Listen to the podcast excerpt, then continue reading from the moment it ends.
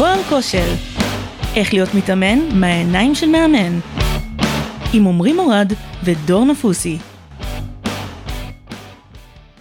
שלום לכולם, לעוד פרק של הכל על כושר עם עמרי מורד ו... דור נפוסי. והיום גם יש לנו עוד ארחת מיוחדת ששמה? גל אפללו. שלום גל, שלום עמרי. שלום לכולם. אנחנו התכנסנו כאן היום בשביל לדבר על uh, נושא שהוא מאוד מאוד רחב, ואנחנו ננסה להיות מאוד uh, פרקטיים מכל הבחינות. אנחנו היום הולכים לדבר על ההבדלים בין תזונאי קליני לבין מאמן לאורח חיים ויועץ תזונה. איך לדעת במי לבחור, איך לדעת במי להיעזר, ובאופן כללי נדבר על ההתנהלות שלנו בכל מה שקשור לתזונה היומיומית שלנו. Uh, אז בואו נתחיל. קודם כל, בואו נציג לכולם את גל, מי, מה היא עושה פה איתנו היום. איזה קשר יש לגל אלינו, ומה בעצם אה, גל הולכת אה, לתת לכם פה הבוקר? אז אה, אני בת 22, 23 עוד מעט, ואני מאמנת בסטודיו של דור ועמרי, ובין היתר אני גם סטודנטית לתזונה, שנה ב'. בעצם למדתי עם עמרי בשנה הראשונה של התואר, שם הכרנו. זהו, אני גם הייתי סטודנט לתזונה, למי שלא יודע. אני פרשתי בשנה הראשונה, בסוף השנה הראשונה. אמ, אני עוד שנייה ארחיב על זה. באופן כללי, גל גם כרגע באמצע תואר בתזונה, וגם עשתה כבר אה, הכשרה, עוד לפני שהיא התחילה את התואר, היא עשתה הכשרה, אה, קורס בתזונת ספורט. ו... אצל מייק ביקוב. אצל מייק ביקוב, שגם אני עשיתי אותו. גם דור עבר כמה הכשרות שקשורות מן הסתם לתזונה. זה עולם שאנחנו מתעסקים בו מן הסתם, היום זה חלק בלתי נפרד בכל מה שקשור לעולם הכושר. גל, איך הולך בתואר באופן כללי? אה, וגם, מה... תני, תני לנו קצת רקע באופן כללי על כל מה שקשור לעולם הזה של התזונה, מה ההבדלים בין מה שאת מכירה לבין הקורס, לבין התואר? אז ככה, אה, בגדול הקורס הוא מאוד פרקטי, הוא מאוד מדבר איתך אה, בפרקטיקה איך לבנות תפריטים, כיצד לחשב מאזן קלורי, BMI, BMR, כל אלה. בתואר נכנסים קצת יותר לעומק הדברים, יותר מה מוביל אותך לבנות את התפריט הזה, ולא סתם כי, כאיזושהי משוואה שכל אחד יכול לחפש באינטרנט אה, ולבנות לעצמו איזה משהו. אה, מתעסקים קצת יותר באוכלוסייה החולה, מסבירים לנו את כל התהליכים שקורים בגוף. זה דברים שלא באמת מדברים איתנו בקורס. הוא אמנם מאוד פרקטי, וכן אפשר, אה, בוא נגיד, לבנות איתו קוביות בבטן לבן אדם, אבל לא בהכרח יודעים מה קורה בתוך הגוף, לא באמת יודעים האם הבן אדם בריא, האם הוא חולה, האם יש חוסרים. כאלה ואחרים, אה, וזה דברים שבאמת מתעסקים אה, בתואר ולא בקורס. זאת אומרת, הקורס בעצם זה יותר מתאים, אפשר להגיד לבניית תפריט לבן אדם שמה? שהוא בריא, ללא בעיות, ללא חוסרים, שהוא מתאמן ושאתה מכיר אותו, אה, ופחות או יותר, יותר, פחות או יותר יודע מה ההרגלים שלו. זאת אומרת שאם אני מבין נכון, אדם שבוחר לקחת הכשרה של יועץ תזונה, הוא פחות מתעסק בפן המדעי, הוא פחות מתעסק בביולוגיה, הוא פחות מתעסק בכימיה, הוא פחות מתעסק בכל מה שקשור לפנים גוף האדם ול, ולמזון עצמו. והורמונים וכל הדברים. בדיוק. יש המון גורמים אה, שונים שלא מרחיבים עליהם בקורס הזה, אה, שבאמת גם קשורים בין היתר להורמונים, שכן איפשהו אה, משפיעים גם על רעב ושובע, זה דברים שלא נוגעים בהם יותר מדי. וכן, צריך להבין את זה לעומק כדי לדעת מה טוב לכל אחד. זאת אומרת שאם אני בן אדם בריא, ובסוף המטרה שלי זה עכשיו, נגיד, להירשם לסטודיו לאימונים, ואותו סטודיו מציע אה, גם ייעוץ תזונתי, שהמטרה שלו זה לעזור לי בסוף פשוט להתקדם, לפתח עוד מסת שריר, ולשמור על איזשהו אורח חיים שהוא מאוזן. אני בתור אותו מתאמן, יכול להיעזר באותו איש מקצוע, באותו יועץ אז כן, בגדול, שוב, ברגע שבאמת הבדיקות שלך תקינות, שאתה בריא, שהכול בסדר, אין שום בעיה שיועץ תזונה יבנה לך איזשהו תפריט כדי להגיע לאיזה מאזן קלורי, איזה שאתה רוצה, שלילי או חיובי, לבנות מסת שריר, זה משהו שמא, שמאמן כן אמור לדעת לעשות, בהחלט.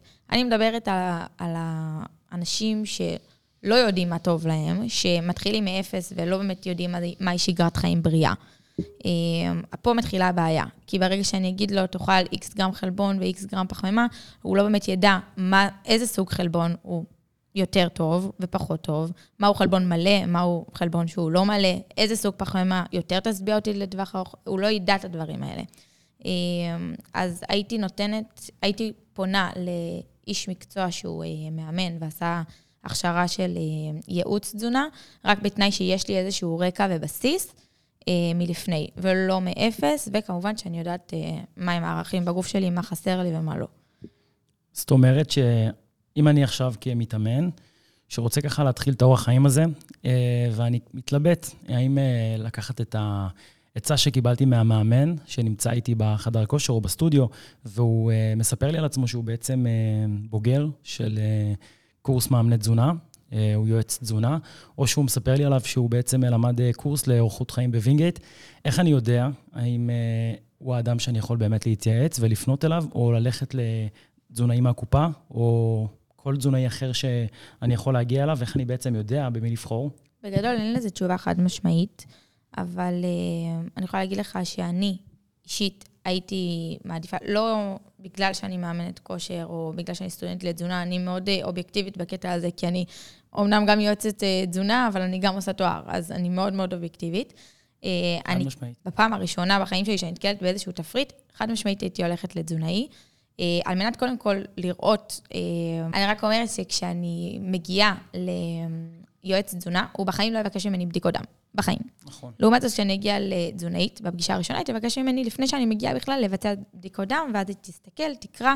זה משהו שאני אפילו, גם עכשיו, עדיין לא יודעת לקרוא. בדיקות דם לא מדברות אליי, וגם אני משערת שלא אליכם כיועצי תזונה. אה, לכן, אולי כן, מתנצלת אם זלזלתי.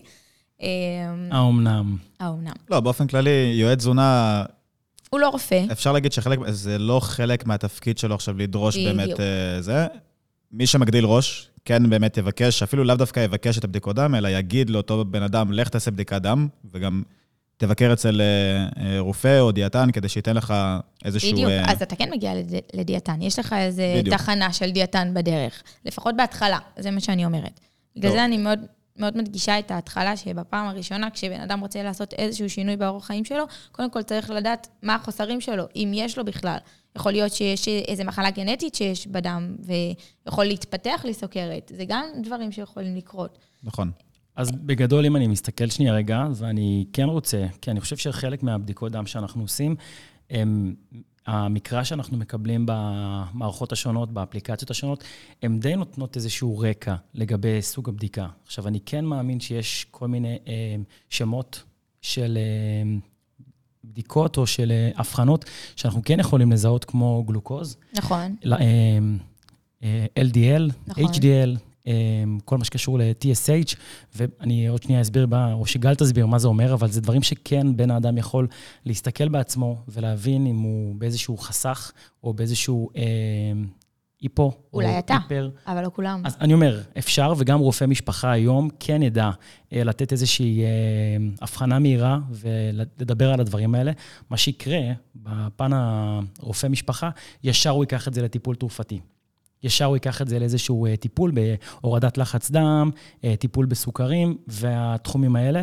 ודווקא מה שיקרה לדעתי אצל אה, תזונאי קליני זה שהוא ייקח את זה רגע לפני העולם של התרופות, לראות איך אפשר באמת שהמזון שלנו יהיה התרופות, ולא התרופות שלנו יהיו המזונות שלנו, ואני נכון. לגמרי מאמין בזה. עכשיו ככה, שאלה לגבי, לגבייך באופן אישי, וככה אני מתאר לעצמי שמי שיקשיב לפרק הזה, יכול מאוד להיות שהוא נמצא באיזשהו צומת, כמו עמרי, שהתלבט אה, מה הוא רוצה לעשות בחייו, מה הוא רוצה לעשות כשהוא יהיה גדול, והוא מתלבט, האם רק לקחת איזושהי הכשרה של אה, חודש, חודשיים, שלושה חודשים, ולהפוך להיות אה, יועץ תזונה, או שבאמת לקחת על עצמו החלטה שהוא עושה תואר אקדמאי, לומד שלוש, ארבע, סטאז'? שלוש שנים. שלוש סטאז', שנים ועוד סטאז'. מבחן ממשלתי, יש, יש דרך לעבור. דרך ארוכה. הדרך ארוכה מופתלת, אני נופל כאן. ובכל אופן, אני רק אומר ש... בסוף, מעניין לשמוע את זה מהצד של שניכם, אני גם ככה אשתף. אני בשנת 2015 עשיתי מכינה באריאל לטובת אה, קבלה ללימודי תזונה, אה, ובדרך הבנתי שאני לא רוצה לעסוק בזה, והסיבה שבחרתי לא לעסוק בזה, זה כי הבנתי שהייתי מקבל את האפשרות להתמודד על סטאז' רק ב-2020. זה היה חמש שנים לפני שבעצם התחלתי את הלימודים והבנתי רגע מה הולך להיות, אני לא יודע מה המצב היום לגבי סטאז'ים וכאלה, אבל אז זה היה משהו מפחיד ביותר. אתה מסיים את הלימודים, אתה מחזיק ב, ביד תעודה, תואר. ואין לך מה לעשות איתה. ואין לך מה לעשות איתה. אז זאת הייתה הסיבה למה אני בחרתי לנטוש אז זהו, במקרה שלי נגיד, אני בחרתי לנטוש אה, משתי סיבות. אחד, קודם כל אני התחלתי את התואר מנקודת אה, מחשבה כזאת של גם רציתי ממש לדעת הכל לפרטי פרטים, כל מה שקשור לתזונה, כי זה באמת עניין אותי, וזה עדיין מעניין אותי באיזשהו מקום, אבל כשבאמת חוויתי את זה, וראיתי באמת מה לומדים, פשוט הגעתי למסקנה שזה לא באמת מה שמעניין אותי. לא מעניין אותי כל כך לדבר על הורמונים, לא מעניין אותי כל כך לרדת לפרטים וללמוד ביולוגיה ודברים כאלה. עניין אותי בעיקר להתעסק, ב, אפשר להגיד, בפרקטיקה, בלכוון בן אדם בצורה הכי פשוטה שאפשר. לקחתי בחשבון גם, מן הסתם, שאני לא אוכל גם לטפל בכל בן אדם, במיוחד לא באנשים שיש להם איזה שהם מחלות רקע, ואנשים שהם לא באמת אה, בריאים. לקחתי את זה לגמרי בחשבון, ופשוט הגעתי למסקנה גם שאני פחות רוצה להתעסק בזה. זה דבר ראשון. ודבר שני, תוך כדי התואר, עצם העומס ועצם הידיעה שיש לי עוד שנתיים, שלוש, אולי אפילו ארבע שנים של אה, תהליך לעבור, הרי במקביל גם היה לי עסק. היה לי את הסטודיו שלי לאימונים, וגם הרגשתי שאני מאוד מאוד רוצה כבר להתפתח עכשיו, ולא רציתי לחכות, ולא רציתי גם להיות אה, בעל התעודה שעושה את, ה, את הפעולה עצמה, את הליווי התזונתי למתאמן, אלא הגעתי למסקנה שאני פשוט רוצה להיות זה שמנהל את הדבר הזה, וזה שיש לו עסק, והגעתי למסקנה פשוט שאני לא באמת צריך את התואר בשביל מה שרציתי לעשות. אז הגעתי למסקנה אחרי איזה שלושה חודשים של מחשבות עמוקות, וגל חוותה את זה ביחד וואו. איתי, והיא ראתה את המחשבות שעברו לי בראש, והתלבטתי אם להמשיך, לעצור, להמשיך, לעצור. בסופו של דבר החלטתי שזה הדבר הכי טוב שאני יכול לעשות לעצמי, כי הרגשתי שאני לא באמת רוצה את זה. אני, אני לא כן... חושבת, סליחה, אני לא חושבת שיש תשובה אה, לא נכונה. כאילו, זה בסופו של דבר בדיוק. זה הכל עניין של בחירה. אתה הבנת והגעת ל, ל, לייעוד שלך, הבנת מה אתה רוצה לעשות בחיים, ואגב, רק על זה לא הייתי מתחרטת על השנה הזאת, חצי שנה שעברת. אמ, מנגד, אני נכנס, אתה נכנסת לתואר, ובשנה א', חשוב לציין שלא באמת לומדים את הפרקטיקה, אבל בכלל. כאילו, נכון. כאילו, בכלל לא נוגעים בעניין התזונה. נוגעים במתמטיקה, בפיזיקה, בביולוגיה, בכימיה, בהמון דברים שהם מסביב, שרק בשנה ב', ששם כבר לא היית, מתחילים, מתחילים, מתחילים לגעת בזה. אה, ככה שאני מאמינה שבאמת אם היו מתחילים כבר קצת אה, בשנה א' לתת כל מיני נגיעות של תזונה, שאנשים שבאמת עם זיקה לזה היו מתעניינים ומתחילים להרגיש קצת עניין, אז אולי באמת היו גם פחות פורשים. אז אני כן יכולה להבין אותך בנקודה הזאת, כי פרשת באמת בשלב שהוא אה, מאוד מאוד לא קשור לתחום, ואז אמרת, טוב, אני רוצה לעסוק בפרקטיקה, רוצה לדעת איך לנהל עסק, איך לבנות תפריטים. זה לא נתן לנו בשנה א' שום דבר מזה. חד משמעית. לגמרי. ו... אז רגע, אז אני רוצה רגע לגעת בזה, כי באמת, קודם כל, שלושתנו אה, יועצי תזונה. אה, כל אחד קיבל הכשרה בבית ספר. לא, אתם בעצם, אה, שניכם אה, בוגרים של, אה, של ביקוב, אבל אני חושב שהיום בשוק יש המון המון אלטרנטיבות. אני, יש המון אה, בוגרים שמציעים אה, הכשרות בעצם להיות מאמן תזונה או להיות יועץ תזונה, וכל הכשרה בעצם היא מאפשרת לנו ככה אה, להתמחות בתחום מסוים, אה, לתת לה קצה, למי שנמצא בקצה, אה, איזשהו אה, תחום התמחות שבו אנחנו מתעסקים. יש מי שמתעסק בפיתוח גוף, והוא בכלל לא תזונאי, הוא יודע לקחת אנשים ממצב א' למצב ב', להביא אותם למצב תחרותי. אה, ישבה פה אצלנו לין אלטשולר לפני מספר פרקים, והיא מעולם לא נפגשה עם דיאטן קליני. שאגב, בואו רק נחדד את זה. כשזה מדובר בכלל על משהו תחרותי, לא מסתכלים על, על בריאות. שום דבר. תחרותיים, כאילו, אה, ספורטאים תחרותיים לא מסתכלים בשום, אה, ממה שאני מכיר לפחות, כן, יכול להיות שאני גם אה, טועה באיזשהו מקום, אבל הם לא מסתכלים באמת על הפן הבריאותי, הם מסתכלים על מה יגרום לי להגיע לקצה. חד משמעית. גם, גם אלה שהם ברמה הכי גבוהה, והם כן מקבלים מרשם מרופא, לצורך העניין בדי בילדרים שמשתמשים בסטרואידים, הם כן מקבלים את המרשם מרופא, זה כן רפואי. החומר שהם מכניסים לגוף שלהם הוא חומר ביולוגי שנבדק במעבדה, וזה לחלוטין כן, אבל זה לא אומר שיש פה איזשהו עניין בריאותי. הם כן עושים בדיקות דם, והם כן בודקים כל הזמן מה קורה איתם, גם לגבי ספורט אה, ענפי אחר. אבל אם אני לוקח רגע את זה לקצה של מי שמתעסק בתזונה, ורוצה להוביל את עצמו למצב שהוא מגיע לתחרות ולעמוד על במה, כשהגוף שלו נמצא באיזשהו שייפ קיצוני, קודם כל, זה בפני עצמו לא מצב בריאותי, בטח ובטח שדיאטן קליני לא ייקח אה, את הפרויקט הזה לידיים שלו, מתוך הידיעה שהאדם מסכן פה את עצמו. הוא מגיע פה לרמה מאוד מאוד קיצונית, גם ברמת אחוז השומן, גם ברמת אה, כמות החלבונים וכמות התזונה, שבו הבן אדם בעצם צריך להכניס את עצמו, תהליך הייבוש שבן אדם צריך לעבור כחלק מתחרות פיתוח גוף, גם כן, הוא לא תהליך אה, בריאותי לגוף, ואני מבין לגמרי מאיפה מגיע כל, כל דבר שאנחנו בעצם מדברים עליו ועושים אותו. אני מניח שגם אנחנו כמאמנים, אמ, חלק מהשנה חיים על איזשהו אה, תפריט, ופה הייתי רוצה רגע לשמוע את אותך, מה, מה את חושבת על זה? האם אנחנו אנשים בריאים שעוסקים בספורט ממקום חובבני או ממקום אה, מקצועי? האם אנחנו צריכים לקחת עצה מתזונאי לפחות פעם אחת בקריירה, לפחות פעם אחת בשנה? איך את רואה את זה?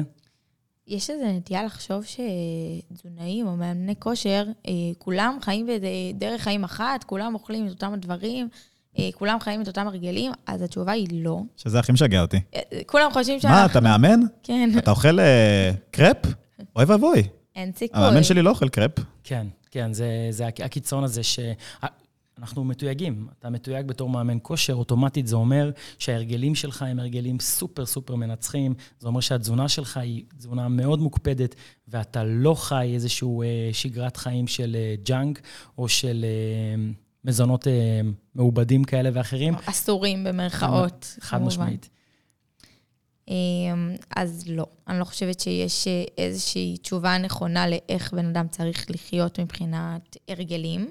אה, יש בן אדם שקם בשעה 6 בבוקר, יש בן אדם שקם בשעה 10 בבוקר, יש בן אדם שעובד בלילה, יש בן אדם שעובד בבוקר, הכל מאוד מאוד משתנה. אה, אני כן חושבת שצריך להגיע לאיזשהו, אה, לאיזושהי רמה מסוימת של חלבון בגוף, לאיזושהי רמה מסוימת של פחמימה, לפי ההמלצות, וכמובן שומן וויטמינים. לא צריך להחסיר שום דבר, ובשביל זה כן הייתי נפגשת עם תזונאית קלינית, כי אנחנו בתור יועצי ספורט, יכולים... יוצא תזונה. סליחה. אה, כן יכולים להגיד לך, יש לך בתפריט הזה איקס פחמימות, איקס שומנים וגם איקס חלבונים. אבל אה, מפה ועד להגיד לי האם זה מספיק לגוף שלי, זה קצת השערה כזאת שהיא רחבת טווח, בוא נגיד ככה, של יש המלצה כוללת שצריך לאכול בין 1.5 ל-2.2 גרם חלבון לקילוגרם אחד של בגוף. אה, שזה נכון בגדול, עוד פעם, לאנשים מאוד בריאים, אבל אה, יש כל מיני גם בעיות שאנחנו לומדים עליהן בתואר, לפעמים ש... אה, בעיות של חנקן בגוף שקשור לחלבון, זה כל מיני דברים שבאמת יועץ, אני בתור יועצת תזונה לא ידעתי את זה. אז כן חשוב לציין את זה. בגדול, לא הייתי חושבת שיש איזה דרך אחת לחיות בה, אפשר לאכול הכל, צריך לאכול הכל. כל אבות המזון, לאזן, כמובן, זה מאוד חשוב. ממה שאת בינתיים מכירה, את חושבת שהיום אה, דיאטנים, ממש תזונאים קליניים, מודע, מודעים לגישה הזאת של אה, גישה של אכילה גמישה? של אה, ליהנות גם ממאכלים שכביכול מוגדרים כג'אנק ודברים כאלה, או שלדיאטנים יש את ה...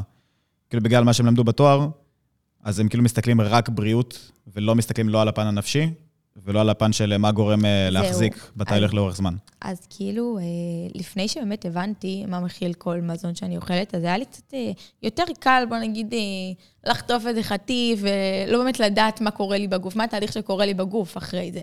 ועכשיו, אחרי שאני יודעת, אז יש לי קצת יותר כאילו מהססת כזה, אבל לא בגלל שאני אעלה במשקל או משהו כזה, אלא נטו בגלל התהליכים שקורים לי בגוף, שאני אומרת, אוקיי, אולי זה, זה, זה קצת מלחיץ, זה כן אני יכולה להגיד, ובגלל זה איזו נטייה לחשוב שתזונאים אה, דופקים באיזה משהו אחד, שחייב לאכול בריא כל הזמן. אבל בגדול, תמיד צריך לחשוב אה, ביקורתי, גם כשאני, כשמעבירים לי את השיעור, והמרצה, אני חס וחלילה לא מזלזלת במה שהיא למדה ולאן שהיא הגיעה, אבל בסופו של דבר צריך גם להיות ריאליים, ואי אפשר גם ללכת רק עם, ה, עם המדע, ו, וזה טוב וזה רע. צריך ליהנות מהכל, וצריך למצוא איזושהי דיאטה שהיא לאורך זמן. דיאטה זה לא מילה רעה, פשוט דיאטה זה איזשהו הרגל של תזונה, זה לא בהכרח איסור. זה מילה בכלל אה, יוונית, את יודעת? אני לא יודעת, אני פשוט יודעת שדיאטה זה לא מה שמדברים עליה ביום-יום. של... דיאטה בעצם זה מילה לועזית שבאה להגיד, אמ,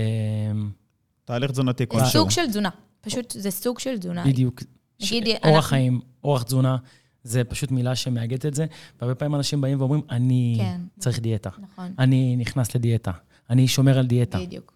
והדבר הזה יוצר אוטומטית איזשהו אה, גם מחסום, וגם זה יוצר איזשהו אפקט לא, לא נעים לגבי הדבר הזה שנקרא דיאטה. דיאטה זה לא באמת אה, תהליך שהוא חייב להיות או כדי לרדת במשקל, אה, הוא בדיוק. גם יכול להיות תהליך של עלייה במשקל. דיאטה זה כל דבר שבו הבן האדם אה, מודע לתזונה שלו במהלך היום-יום. כל מי שמודע הוא בתוך דיאטה. זה ה- בדיוק. בעצם אה, מה, שאמור, מה שאנחנו אמורים להבין מזה. אה, יש לי טיפ אה, שכן הייתי רוצה לתת, בשביל להבין איזה איש מקצוע אתם צריכים. אני חושב שלפני שאנחנו מסתכלים על האם אנחנו צריכים אה, דיאטן קליני, או אה, יועץ תזונה, או באופן כללי איזשהו איש מקצוע, להבין אם אנחנו קודם כל בכלל מתחברים לגישה של אותו איש מקצוע. אם אנחנו בכלל מתחברים לדרך שלו, אם אנחנו בכלל מתחברים למה שהוא אה, מייצג, ובכללי על כאילו... עוד פעם, לפני שמדובר בכלל על איזה אה, תואר או איזה הדרכה אותו איש הכשרה. מקצוע עבר, איזה, איזה הכשרה. בכלל להבין מי הבן אדם ואם אני מתחבר אליו, כי בסוף, אם אותו בן אדם, שלו, נכון. בדיוק, אם אני מתחבר לגישה, אם אני מתחבר לבן אדם, אם אני מתחבר לקונספט של איך התהליך הזה עובר, יכול מאוד להיות שזה אפילו לא משנה איזה הכשרה יש לו, הוא פשוט ידע להדריך אותי למקום הנכון, כי עצם זה שאני מתחבר. כמובן שזה לא עכשיו הדבר היחידי שמשפיע על לבחור איש מקצוע, אבל גם את זה חשוב לזכור. זה חלק מהשיקולים שצריך לקחת, חד משמעית. בדיוק, כאילו לא כל מי שהוא דיאטן, זה דיאטן שאני אתחבר לגישה ושהוא יגרום לי להצליח. כנ"ל גם לגבי תזונה, כנ"ל גם לגבי מאמן כושר. לא כל מאמן כושר ידע להביא אותי למה שאני מחפש. זה נכון גם לגבי כל מקצוע. לכל תחום, כן. זה נכון לכל תחום, בדיוק. אני רוצה רגע אה, להוסיף מהמקום שאני מגיע. לצורך העניין, אה, כמי שמתעסק בהתפתחות ובקואוצ'ינג, חלק גדול מה, אה, מהלקוחות מגיעים לאו דווקא בגלל שהם רוצים תהליך של דיאטה, הם רוצים גם לפעמים לשנות הרגלים, הם רוצים גם לפעמים לשנות משהו בחיים שלהם, להכניס או להוציא איזה שהם דברים שהם פחות עושים טוב, כמו הרגלי עישון, אה, צריכת אלכוהול, אה, צריכת מתוקים והרבה דברים שאנחנו מדברים עליהם ביום-יום, ואז פה עולה השאלה. אני לצורך העניין אה, גם יועץ תזונה וגם מאמן לאורח חיים, וחלק גדול מהתהליכים שאני מעביר ועליהם אני מדבר, זה בעצם תהליך שבו בן האדם מסגל לעצמו כל מיני הרגלים חדשים, מפסיק עם דחיינות, מוטיבציה והרבה דברים אחרים שאנחנו נוגעים בהם. האם אה, תזונאי קליני אה, מתעסק בתחום הזה של אה, תהליך עם מתאמן, או שרק מדובר באיזשהו משהו סכמטי? אתה הולך לעשות בדיקות דם, מחזיר לי את הבדיקות דם, אנחנו נפגשים לפגישה, אני שוקל אותך, לוקח ממך מדדים ומוציא אותך החוצה עם איזושהי תוכנית תזונה. את התוכנית תזונה הזאת שאתה מקבל, תשים אותה איפה שאתה רוצה, ואחת לתקופה אנחנו ניפגש ונעשה איזושהי אה, בדיקת מדדים ומעקב. האם קורה משהו בפן המנטלי? האם יש איזשהו תהליך שהוא מורכב יותר, שבו התזונאי בעצם אה, מלווה אותי? קודם כל... האם אה, לומד- האם לומדים את זה גם? אז זהו, אז זה בדיוק מה שבאתי לגעת. הספר? כן. אז קודם כל, מבחינת הלמידה, אני עדיין לא תזונאית בפועל, אבל אה, מבחינת הלמידה, אה, יש המון קורסים אה, בפסיכולוגיה, שאני לפחות הופתעתי העשרה? לגלות. כן, לא, או חובה? זה חובה. קורס וואו. חובה, גם עמרי עשה לדעתי, קורס חובה בפסיכולוגיה, אה, וזה ממשיך, ולאורך כל השנה. פסיכולוגיה התנהגותית? יש פסיכולוגיה התנהגותית, ויש גם אה, בהמשך פסיכולוגיה אה, שממש קשורה לעניין התזונה. הפרעות אכילה? כן, הפרעות אכילה וכולי, וזה בשנה ג'. שזה אגב נושא בפני עצמו. חשוב להגיד, הפרעות אכילה, תזונאי, וגם אפילו לא רק תזונאי, תזונאי שמתמקד אה, בטיפול בהפרעות בתחום אכילה. הזה. חד עם. התמחות. התמחות, ויש דבר כזה גם, אחרי שהם מסיימים את התואר, ואחרי שאתה כבר תזונאי, אה, יש עוד איזה בין שנה לשנתיים של לימודים, אני לא רוצה להטעות, אבל אה, שהם ממש מתמקדים בטיפול בהפרעות אכילה, בטיפול בהפרעות אכילה, כי גם תזונאי שסיים את התואר וסיים את הסטאז' וסיים את המבחנים, לא בהכרח יודע להתמודד עם זה, זה משהו שהוא הרבה מעבר. לגמרי, ויש היום מחלקות שלמות בבתי חולים שהתחום עיסוק שם זה בעצם אה, הפרעות אכילה. אני נכון. התנדבתי לפני כמה שנים במחלקה כזאת בתל השומר, ואני, כל הסביבה שם הייתה בעצם סביבה של פסיכולוגים ושל אה, דיאטנים קליניים.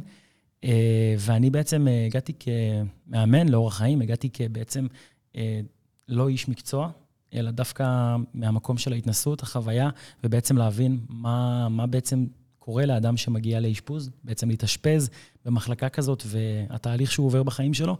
אה, וזה תחום בפני עצמו, שאני באמת חושב שאם עמרי נתן פה איזה טיפ מקודם שהיה מעולה, אני גם כן ככה רוצה לתת פה איזה טיפ שהוא חשוב והוא נוגע, וככה זה ירכז את מה שדיברנו פה. אז אם אתם יודעים שיש איזושהי מחלת רקע, ומבחינתי מחלת רקע לאו דווקא חייב אה, באיזושהי אה, מחלה אה, קלינית, זאת אומרת, לא צריך הבחנה. מבחינתי, גם הפרעת אכילה, באיזשהו קיצון כזה או אחר, אה, כמו בור, אה, בולמיה, אה, אנורקסיה וכל החברים הטובים, גם במקרים כאלה, אם הייתי יכול לתת המלצה או טיפ, לא ללכת ליועץ תזונה ולא ללכת אה, למאמן כושר שעשה איזושהי אה, הכשרה של מספר חודשים, לא בגלל שהשירות שתקבלו לא יהיה טוב, לא בגלל שהמעקב לא יהיה איכותי, אלא כי זה עלול, עזבי עלול, זה בוודאות אה, יהפוך את המחלה לקיצון. זאת אומרת שגם אם זה עדיין לא מחלה, זה בהחלט יכול אה, להביא אתכם לקיצון, להגיע להפרעת אכילה, ואולי אפילו בהמשך גם להגיע לאשפוז. אז תחשבו טוב טוב עם מי אתם נפגשים ואת מי אתם לוקחים לעצמכם כאנשי מקצוע. ואני יכול להגיד גם עלינו, על סטודיו טריי, שכשמגיעים אלינו לקוחות, אנחנו מאוד מאוד מאוד נזהרים עם כל בן אדם שאנחנו יושבים ומדברים איתו. אני באופן אישי מנסה, אפשר להגיד אה, כמה שפחות לרדת לפרטים, אלא לתת איזושהי הכוונה ראשונה, לתת לבן אדם קודם כל להיכנס לעניינים. אם אני מזהה שיש משהו פסיכולוגי בכלל שעומד מאחורי הדבר הזה, אני חד משמעית קודם כל מפנה אותו להתעסק ולפנות או לדיאטן קליני או אפילו פסיכולוג, כי זה דברים שהם לא דברים שאני אישית בתור איש מקצוע נוגע בהם. אגב, גם השיח הכללי, זה יכול להיות אפילו בין לקוחות, אסור לשתף איתו פעולה בתור uh, בעלי מקצוע, או אפילו מאמנים, של האסור ו- ודברים קטנים כאלה שיכולה להיות לנו באימון באמת מישהי שסובלת מה...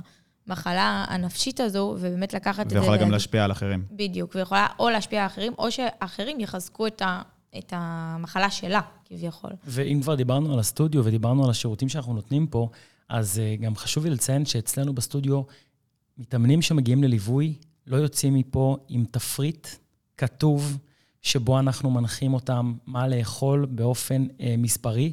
אנחנו בהחלט מלמדים פה על שינוי הרגלים. אנחנו בונים איזשהו בנק ענק של uh, מאכלים, ואנחנו עושים תהליך שבו המתאמן לומד איך לסגל לעצמו um, את הארוחות ואיך לבנות בעצמו את התפריט, כדי שלא יהיה שום דבר שמקבע אותו, סוגר אותו, או לא מאפשר לו איזושהי גמישות, ואני חושב שזה מאוד עוזר בפן הפסיכולוגי, לדעת שאני לא צריך לאכול רק את זה או רק את זה, אלא אני עם תפריט שהוא מגוון והוא עשיר והוא פלקסי לחלוטין, ואני חושב שזה מה שעושה את ההבדל לרוב הלקוחות שלנו. אני רק רוצה להוסיף אה, משהו קטן, אה, שצריך תמיד לחשוב באופן ביקורתי. לא להגיד, אוקיי, זה מה שאני יודעת שמותר, זה מה שאני יודעת שאסור, זה מה טוב, זה לא טוב. תמיד להסתכל גם על מאמרים וגם על מחקרים באופן ביקורתי. וזה משהו ש... כלים שאני מקבלת גם בתואר, אני יכולה להגיד. אמ, אגב, תקני אותי, אמ, מה שאת לומדת, וכנראה אנחנו לא למדנו, זה בעצם איך לגשת למאמר. בדיוק. אה, יש, האמת שמתעסקים בזה כמעט בכל קורס, יש איזה, ממש אה, נוגעים בקטנה כזה בעניין הזה של אה, לקרוא מאמרים, לקרוא גרפים, דברים שלא נגעתי בהם, גם לא בקורסים הקודמים שעשיתי. וזה מאוד מאוד חשוב, כי בתור אנשי מקצוע אנחנו צריכים כל היום להיות מעודכנים, כל הזמן להסתכל. תמיד יוצאים מחקרים חדשים וצריך להיות על הדברים. אה, לא להגיד, אוקיי, זה מה שאני יודע, זה מה שאני מכיר, נלך עם זה לנצח. מהמם, מהמם. איזה יופי. טוב, אז uh, הגענו לסיום של עוד פרק מוצלח, ואנחנו רוצים uh, לומר תודה רבה לכל המאזינים שנשארים איתנו. אנחנו ניפגש בפרק הבא, ועד אז תישארו חזקים.